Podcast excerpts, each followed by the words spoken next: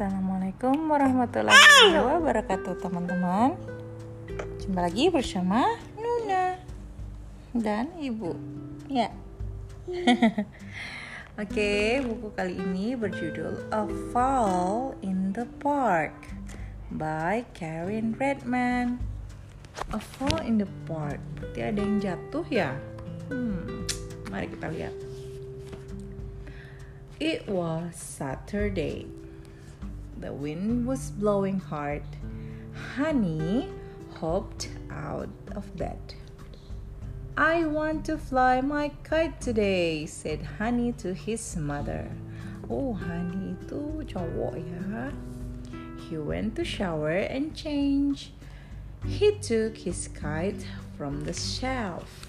Oh, lagi musim layangan nih ceritanya ya. Honey went to the park he saw Li Hui on a swing.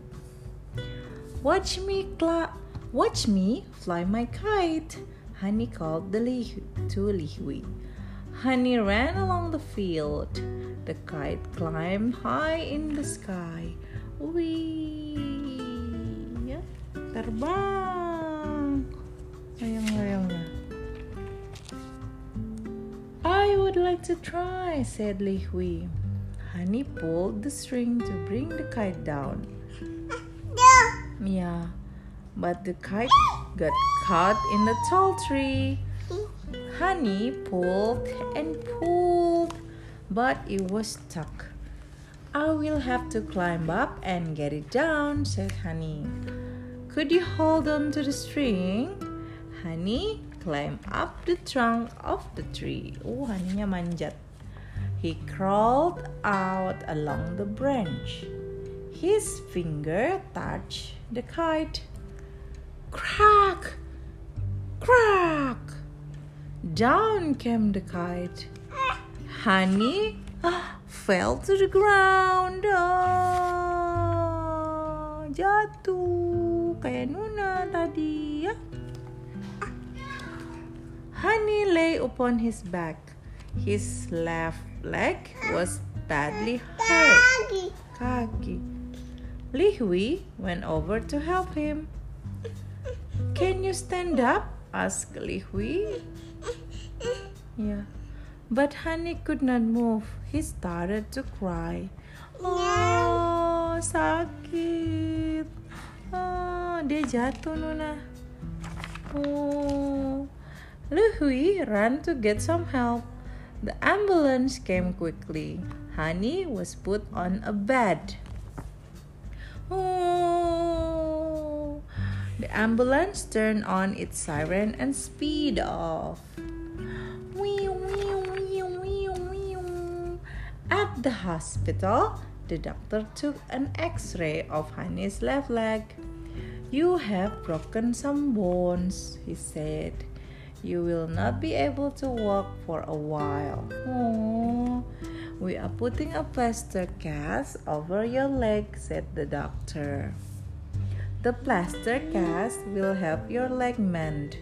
You will need crutches to help you move about. Hmm, kasihan.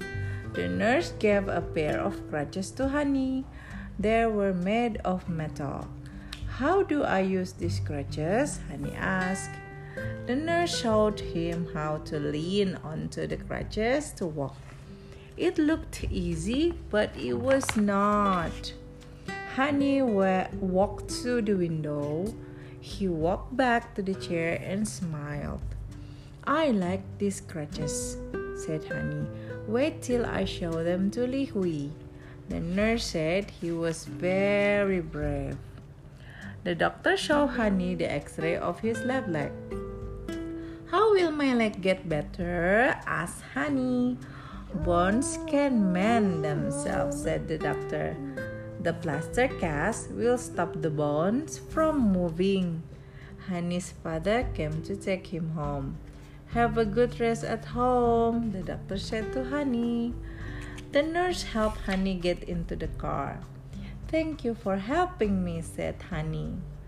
Back at home, Honey's mother gave him a big hug. I will cook your favorite dishes, she said. So, Li Hui came to visit Honey, a teddy. She gave him a present to make him feel better. Feel better. It was a box of color pencil. Li Hui had a turn at using the crutches. Honey showed her how to swing her legs. Thank you for coming to visit me. Honey could not go to school for many days. He had to stay in bed and rest his leg.